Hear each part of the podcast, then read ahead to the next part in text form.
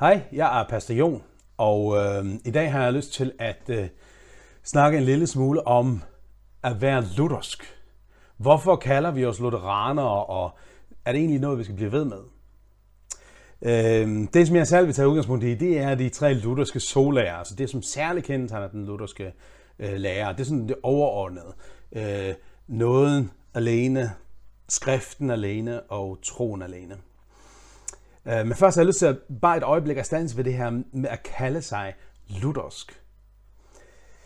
Paulus han siger sådan her i 1. Korintherbrev kapitel 1. Men jeg formaner jer brødre, ved hvor Herre Jesu Kristi navn til at enes, så der ikke er splittelser blandt jer, men så I holder sammen i tanke og sind.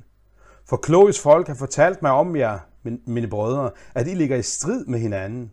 Jeg sigter til, at I siger hver sit, jeg hører til Paulus, jeg til Apollos, jeg til Kefas, jeg til Kristus. Er Kristus, der blev delt? Var det måske Paulus, der blev korsfæstet for jer?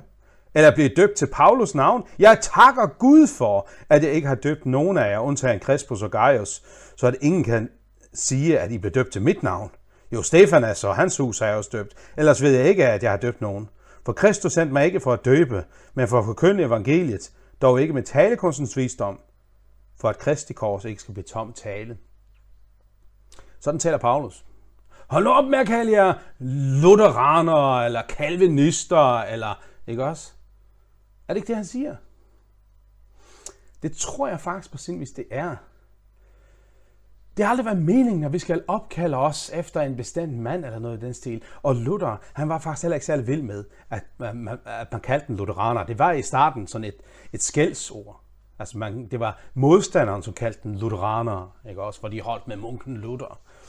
Luther sagde, nej, kald jer heller bare kristne. Nogen tid efter, der begyndte det nogle gange, at, at i stedet for at kalde sig lutheraner, så kaldte de sig evangelisk katolske, i modsætning til at være romersk katolske. Ikke også? Det vil sige, det stod stadigvæk for den almindelige kristendom, som er det ord katolsk betyder, almindelig, universel.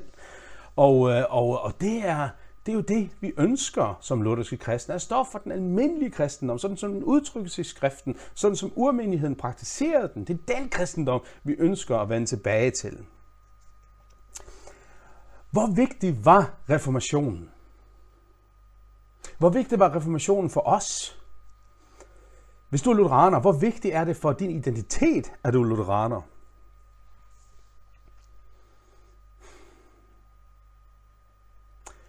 Jeg tror, der er nogle ting, vi skal slå fast. At vi er lutherske, det har noget med lære at gøre.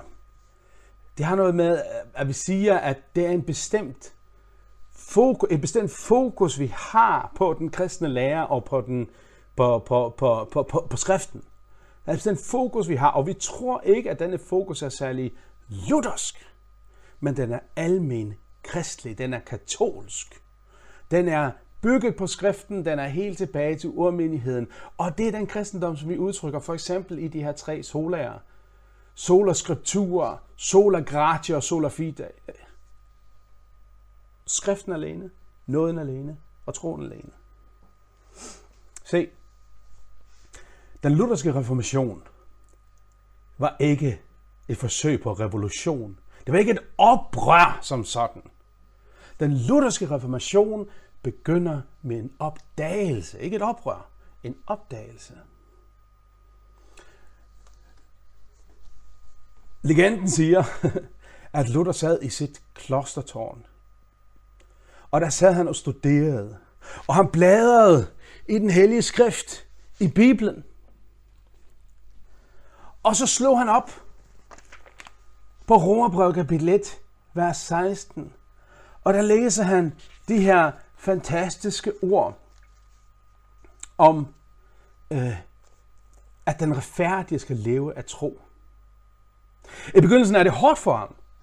Jamen, jeg kan jo ikke være troende nok. Jeg kan jo ikke være hengiven nok. Jeg prøver alt, hvad jeg kan. Jeg skrifter, jeg bekender mine synder, jeg prøver at omvende mig. Men inde i mit hjerte er jeg stadigvæk ond. Inde i mit hjerte er jeg stadigvæk vred på Gud. Inde i mit hjerte er jeg stadigvæk utaknemmelig. Og så slår det ham mens han studerer Guds hellige ord. Ånden kommer over ham, og han bliver inspireret, og han ser noget helt særligt.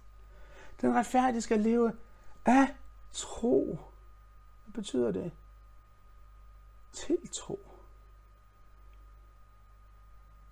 Det betyder at retfærdigheden,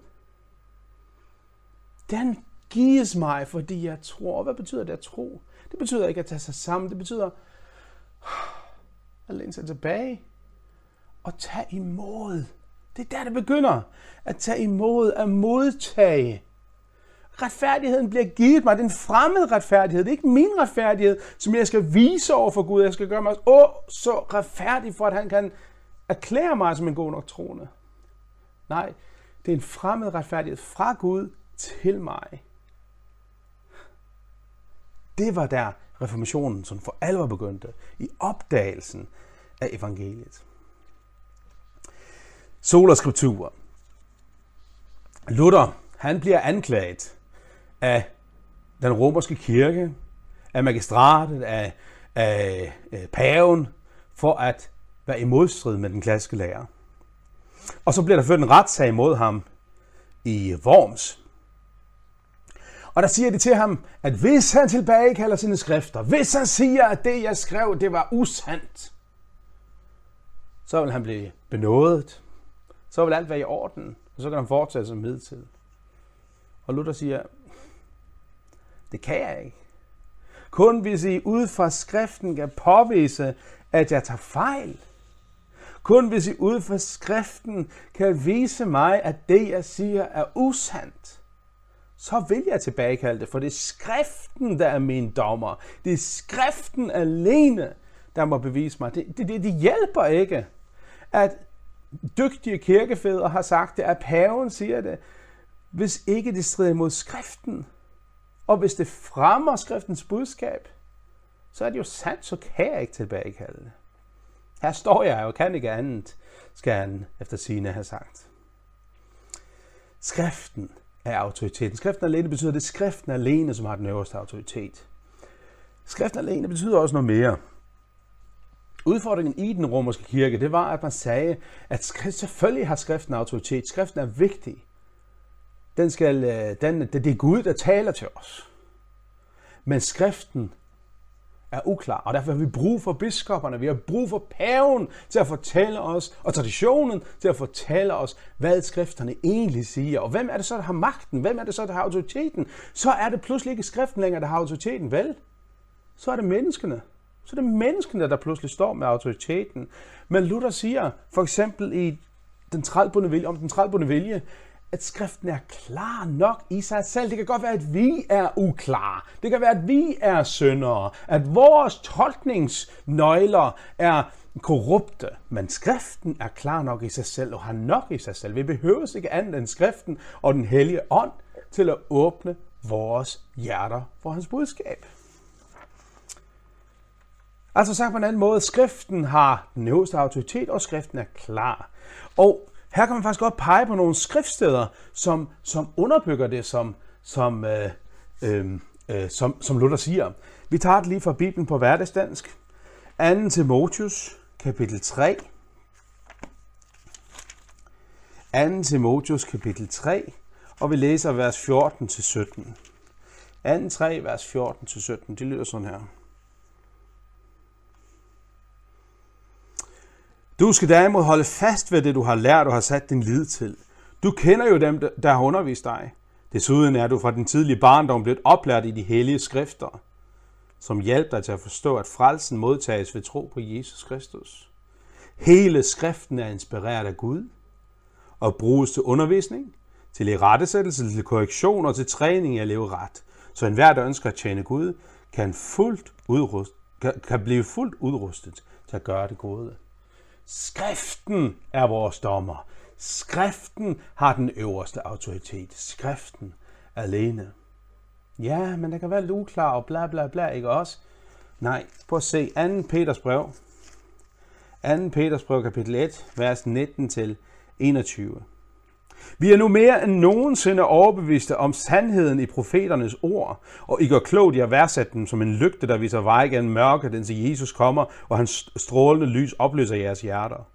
I skal være klar over, at ingen af profetierne i skriften udsprang af profeternes egne idéer.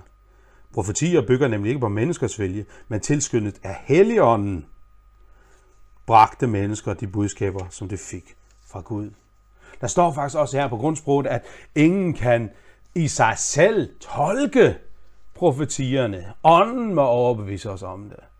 Ikke også? Og det er jo det, som Luther lægger sådan en fest, hvor skriften har nok i sig selv, og den hellige ånd, den har ikke brug for en masse fine herrer i flot præstetøj, som fortæller os, hvad der egentlig er rigtigt.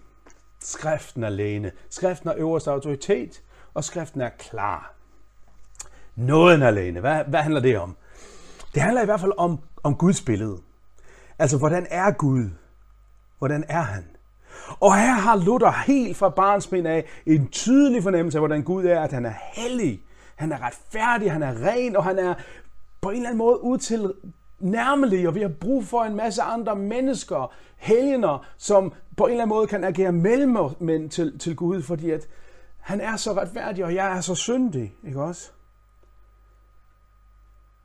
Og Luther holder ikke op med at have det her billede på Gud, men han, han får udvidet billedet, og han ser, at Gud er langt mere. Han ser Gud igennem Jesus, og han ser nåden, han ser den kærlige Gud, han ser, at Gud vil ham, at Gud elsker ham, at Gud er nådig. Og han ser, at Gud vil frelse. Og han får øjnene op for Romerne kapitel 1, vers 16 og 17. Den store opdagelse. Gud vil frelse os. Gud tilbyder os i noget, mens vi endnu var syndere, griber han ind i vores liv og tilbyder os Jesus og hans offer for os, og vi kan blive frelst. Wow. Og endelig, det handler om troen alene. Hvad er troen alene? Nogle gange har jeg haft lidt svært ved det her. Fordi at jeg har sådan fokuseret på troen alene, altså skal jeg virkelig tage mig sammen til at tro, men er jeg nu sikker på, at jeg tror rigtigt, og så videre, ikke også? Men troen alene handler faktisk slet ikke om troen. Troen alene handler om ham. Det handler om at have nok i ham. Det handler om at give op. Det handler om at tage imod. Det er det, som troen alene står for. Det handler om fokus på ham, på hans gerning. Det er nu uden for mig, det er ikke inde i mit hjerte. Jeg skal ikke mærke efter hos mig selv. Jeg skal se efter hos ham, hos den korsfæstede, hos Jesus. Tro er altså at tage imod. Det er ikke en eller anden bestemt mening først og fremmest. Det kommer selvfølgelig af det. Men først og fremmest er det at tage imod Guds gave til mig. Så enkelt kan det siges. Skriften alene, nåden alene, troen alene. Hvor er vi udfordret i dagens kirke i Danmark på de her områder? Hvor er vi udfordret i, i samfundet, i det personlige kristenliv? Hvordan er vi udfordret på det her? Ja, hvor, hvad er vores autoriteter? Luther siger, at skriften alene er den øverste autoritet. Hvad er vores øverste autoritet, når alt kommer til alt? Når vi er på de sociale medier, når vi er bag husets fire vægge, når vi sidder foran computeren. Og hvad tror nåden i vores sammenhæng? Er der andre ting, der kommer ind og siger, ah, du skal først have den her fornemmelse, du skal først, øh, du skal først kunne være så og så god, du skal helst kunne tale på den her måde, før nåden sådan for alvor er det, som det handler om. Eller siger vores kirkekultur sådan en måde, vi er sammen på noget andet end troen alene? Siger vi stadigvæk, at det er nok at tro, at tage imod? Eller skal, bygger vi på det her og siger, ja ja, men vi skal også lige lade os omskære, som de sagde i Galaterbrevet, ikke også? Eller Galatermenighederne. Øhm, skal man først have haft en særlig oplevelse? Skal man først virkelig hengive sig? Nej. Troen alene. Hvis du tror på Jesus, så er du frelst. Hvorfor kalder vi os lutheranere? Det er fordi, vi knytter til ved den her tradition. Det handler faktisk ikke om Luther. Luther har sagt en, en del ting, som jeg tager afstand fra. For eksempel hans syn på jøder, som nok er det værste. Øh, men når jeg kalder mig lutheraner, så er det på grund af de her tre alene begreber, kan man sige. Nåden alene, skriften alene og troen alene. Øh, det er, har, har rigtig meget med det her at gøre. Tak for nu. Indtil næste gang. Vi ses.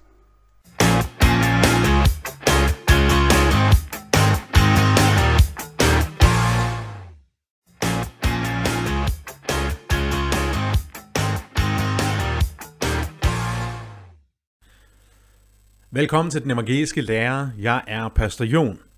I dag vil jeg lave en video omkring, hvorfor jeg er luthersk. Jeg har tidligere lavet sådan en video, men dengang der fik jeg en kritik, som faktisk jeg synes var meget velragt øh, ramt.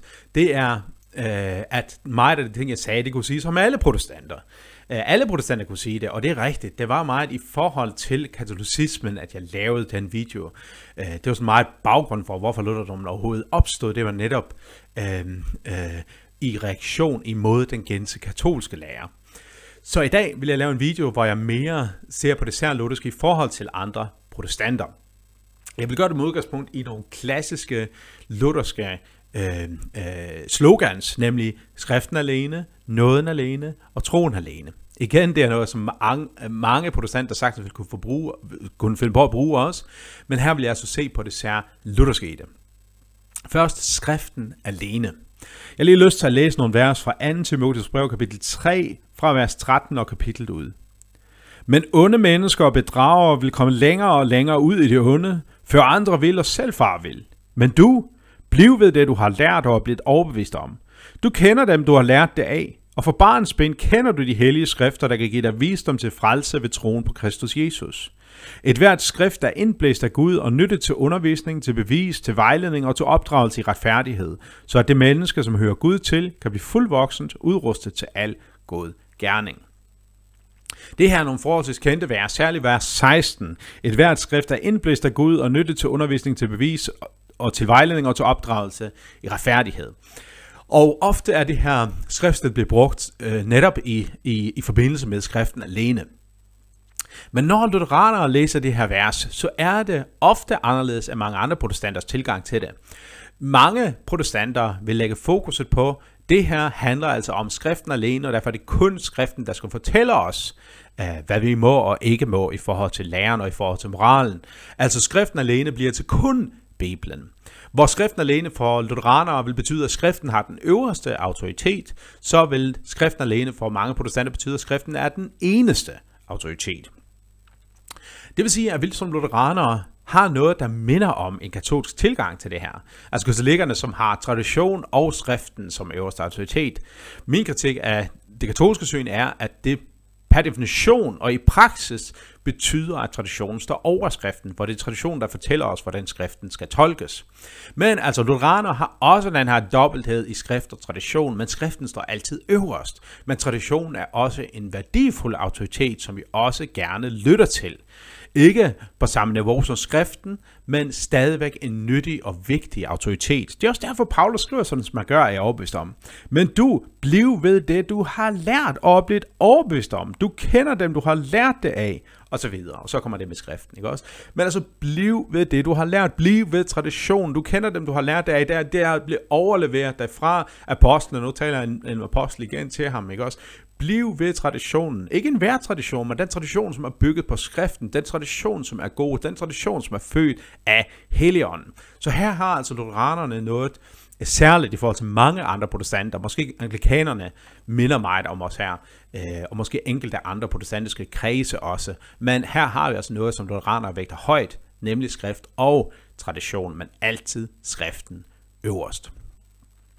Den anden overordnede overskrift, jeg har lyst til at nævne, det er det med nåden alene. Igen, en parole, som alle protestanter, de allerfleste protestanter sagtens kunne finde på at bruge nåden alene. Selv katolikkerne vil også godt kunne tage det i deres mund. Nåden alene, hvad handler det om? Det handler om, at vi kun er frelst af noget. Det er kun Guds nåde, der frelser os. Et vers, vi kan tage frem her, der er selvfølgelig rigtig mange, vi kan tage frem, men det er for eksempel fra Efterbrevet kapitel 2, de her kendte vers, vers 8 til og med vers 10, hvor der står, For at den nåde er i frelst ved tro. Og det skyldes ikke jer selv. Gaven er Guds. Det skyldes ikke gerninger, for at ingen skal have noget at være stolt af. For hans værk er vi, skabt i Kristus Jesus til gode gerninger, som Gud forud har lagt til rette for os. Amandre. For den nåde er i frelst ved tro. Det skyldes ikke jer selv. Gaven er Guds. Det er nåden. Det er kun Guds nåde, der frelser os. Ikke noget som helst hos os selv. Ikke vores gerninger, men kun Guds nåde. Hvad betyder det så? Jamen, det vil sådan være lidt forskelligt, hvem du spørger. For selvfølgelig for katolikkerne, der vil, de vil også tale om fuldstændig noget, og det kun er noget at være frelst. Men på den anden side vil jeg også tale om noget, som noget, der er indgydt, og den her indgydelse også har indflydelse på vores frelse. Det skal vi nok vende tilbage til i en anden video. Men også for protestanter vil man en del steder også kunne tale om, yes, nåden alene, men måden vi kan se på, om vi nu rent faktisk tror på nåden alene, det er ved at, ved at se på vores gerninger. Altså bliver fokus ikke på nåden alene, men fokus på os selv, eller i hvert fald en blanding af de to. For lutheranerne, der betyder nåden alene, nåden alene. Øhm, og det har vi særligt fokus på, selvfølgelig ved at, ved at øh, fokusere på løfterne omkring nåden alene, ved at se på Jesus på korset og, og leve ved det, men også ved at have et særligt fokus på de såkaldte nådemidler. Nådemidler. Hvad baserer de nådemidlerne? Hvad baseres nådemidlerne så på? Jo, det er selvfølgelig for eksempel det, som Paulus tager frem i Romerbrevet kapitel 1, hvor han, øh, hvor han øh, siger sådan her. Øhm, for jeg skammer mig ikke med evangeliet. Det er Guds kraft til frelse for enhver, som tror, både for jøde først og for grækere. For i det åbenbares Guds retfærdighed og tro til tro, som der så skrev, at den retfærdige skal leve af tro. For jeg skammer mig ikke med evangeliet. Det er Guds kraft til frelse. Nåden er det, som giver os frelsen. Nåden er det, som viser os, at vi kan blive frelst. Og hvor får vi så den her nåde henne? Jo, igen, hvis vi tager Paulus fra Romerbrevet kapitel 10, 10, og det her kendte vers, øh, fra kapitel 10, nemlig vers 17. Troen kommer, altså det, der høres, og det, der høres, kommer i kraft af Kristi ord. Det, der høres, kommer i kraft af Kristi ord. Det handler altså om at lytte til evangeliet og lytte til evangeliets forkyndelse. Her får vi nåden ragt, og vi kan stole på det, vi hører, hvis det, øh, øh, hvis det vi hører er i overensstemmelse med skriften. Noget andet, som også bliver taget frem, særligt i lutherske kredse, men andre, alle kristne praktiserer også dåb, men fokuset for lutheraner vil være det her.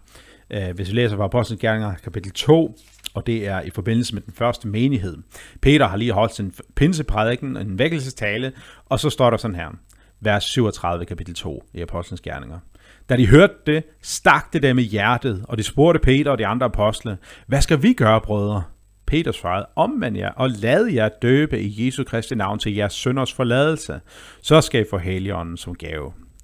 Lad jer døbe. Hvad skal vi gøre? Lad jer døbe. Ikke også? Der står ikke, at nu skal I sørge for at døbe jer selv. Nej, lad jer døbe. Det er noget, der kommer ovenfra. Det er noget, som gives jer. Og hvor får man i den her, øh, den her dåb? Søndernes forladelse og helligånden som en gave af noget af frelst ved tro.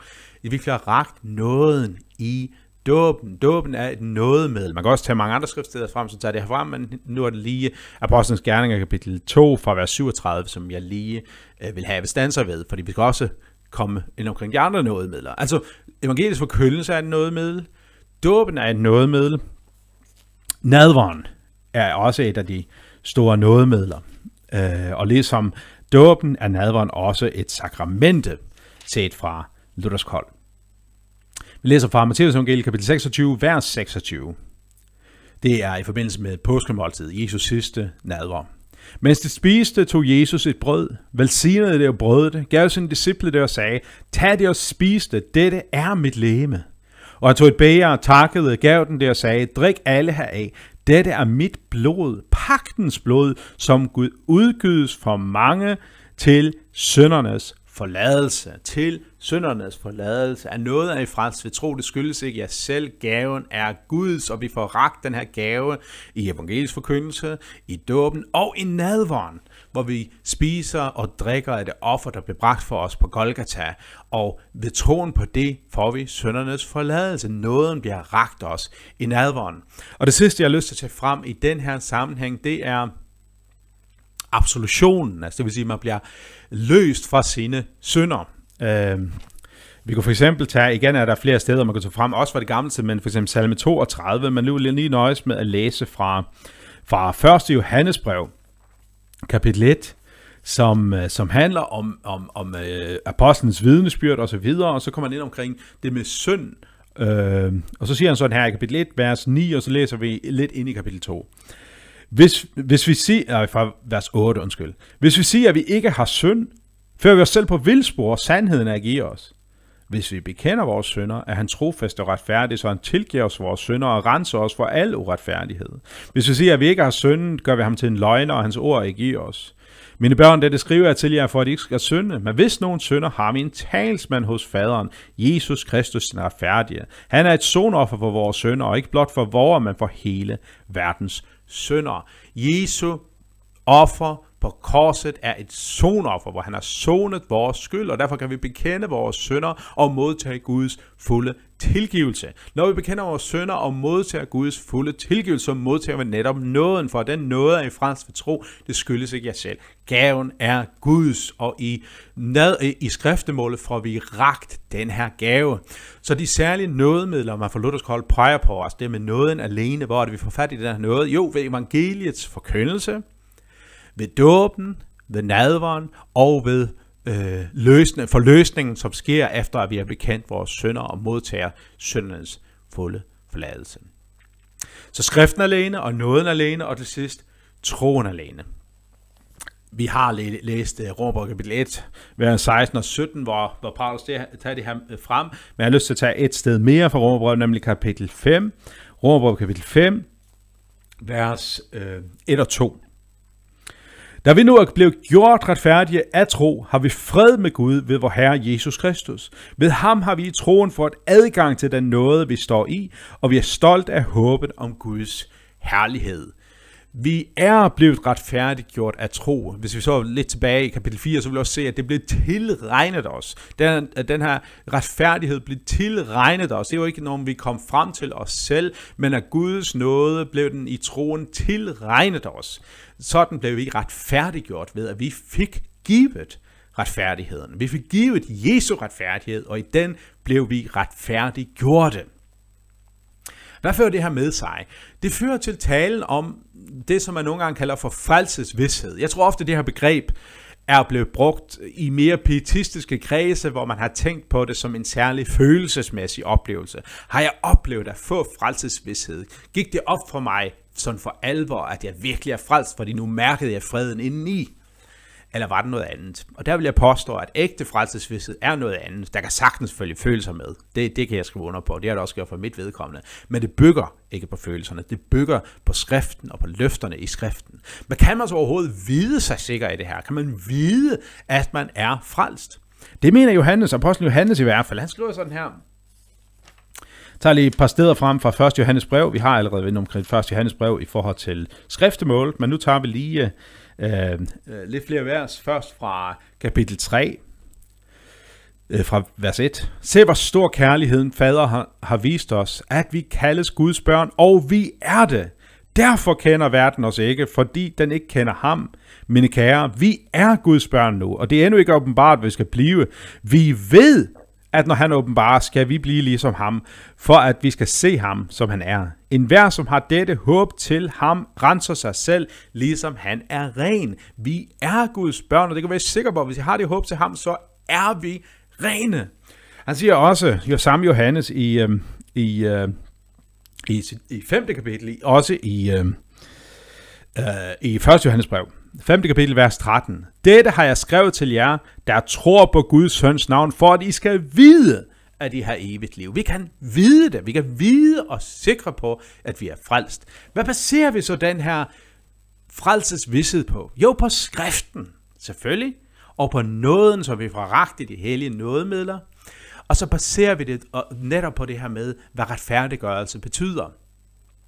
Hvordan kan man være sikker på, at man er frelst? Fordi man tror på Jesus, og ved nåden har man forragt alt godt for ham, og er blevet gjort til Guds barn. Det har skriftens ord på, og det er sandt. Hvad betyder det så i praksis? Jo, her står vi i opposition både til katolikker, men faktisk også til flere protestanter. Hvordan i forhold til katolikkerne? Jo, igen, så kommer der en video, som kommer til at handle mere om retfærdiggørelsen luthersk i forhold til katolicismen, men altså, her kan vi bare kort sige, at for katolikker, der er retfærdiggørelsen øhm, to ting, kan man sige. På den ene side, så bliver vi løst fra arvesynden. Altså synden bliver sonet på den måde, at vi bliver løst fra arvesynden ved dåben. Men så indgyder Gud os sin nåde. Vi får indgødt Guds nåde, og den her nåde vil arbejde i os, så vi forbedrer os. Øhm, kan man så vide sig sikkert? Nej, ikke rigtigt. Man ved, at man lever hos Gud, man ved, at man er døbt til ham, og så forbedrer man sig, så, og så tager man sig sammen og lever ordentligt. Man har sådan en forholdsvis positivt menneskesyn, at vi kan søge Gud, og selvfølgelig, når vi er blevet døbt, så har vi ånden på en helt særlig måde, så vi kan leve ham efter behag. Så i gang vil vi blive dømt, dømt, dømt både på øh, arvesynden, men den er jo fritaget fra, men også på vores gerningssynder. Også de spiller ind. Hvorfor? Fordi det er en del af retfærdiggørelsen. Det var sådan kort sagt. Men faktisk gør noget lignende sig gældende også hos en del protestanter. Det øh, mere reformerede af slagsen. For det har man sige, at hvordan kan man vide sig sikker? Jo, det kan man fuldstændig med at tro på Jesus, og ved at se på os selv. Ja, det siger det faktisk. Ikke fordi, at retfærdiggørelsen er baseret på noget som helst over sig selv, men vi kan se på frugterne af retfærdiggørelsen, og derfor kan vi bruge de frugter ved se os selv som et bevis for, at vi er frelst. Øhm, så rent teoretisk er vi retfærdiggjort af tro og troen alene, men i praksis, så er det vores gerninger, som fortæller os, om det er rigtigt eller ej.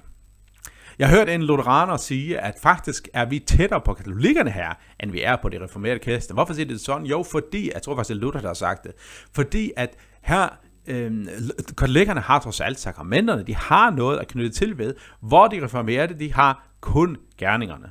Kun gerningerne. Så hvor er det, at lutheranerne skiller sig særligt ud her? Jo, ved troen alene er vi retfærdiggjort. Punktum. Det betyder ikke, at vi ignorerer de gode gerninger, som sker som en frugt af retfærdiggørelsen. Men selve retfærdiggørelsen, selve løsningen, selve forløsningen, selve det, at vi er frelst, er ene og alene ved troen, at vi fik tilregnet den her retfærdighed. Se, der var sådan tre overordnede grunde til, at jeg er lutheraner. Jeg har, har lavet en anden video om det. Her har jeg sådan lidt mere specificeret det i forhold til andre protestanter. Det handler altså om skriften alene, øh, med vores særlige syn på et skift og tradition. Det handler om nåden alene, alt afhænger af Guds nåde, og den her nåde får vi ragt i nådemidlerne. Og så handler det altså om troen alene, at det er alene ved tro, at vi er frelst, og der kan vi finde vores frelsesvidshed ved troen alene på Guds retfærdiggørelse. Tak for nu, og Guds velsignelse til jer.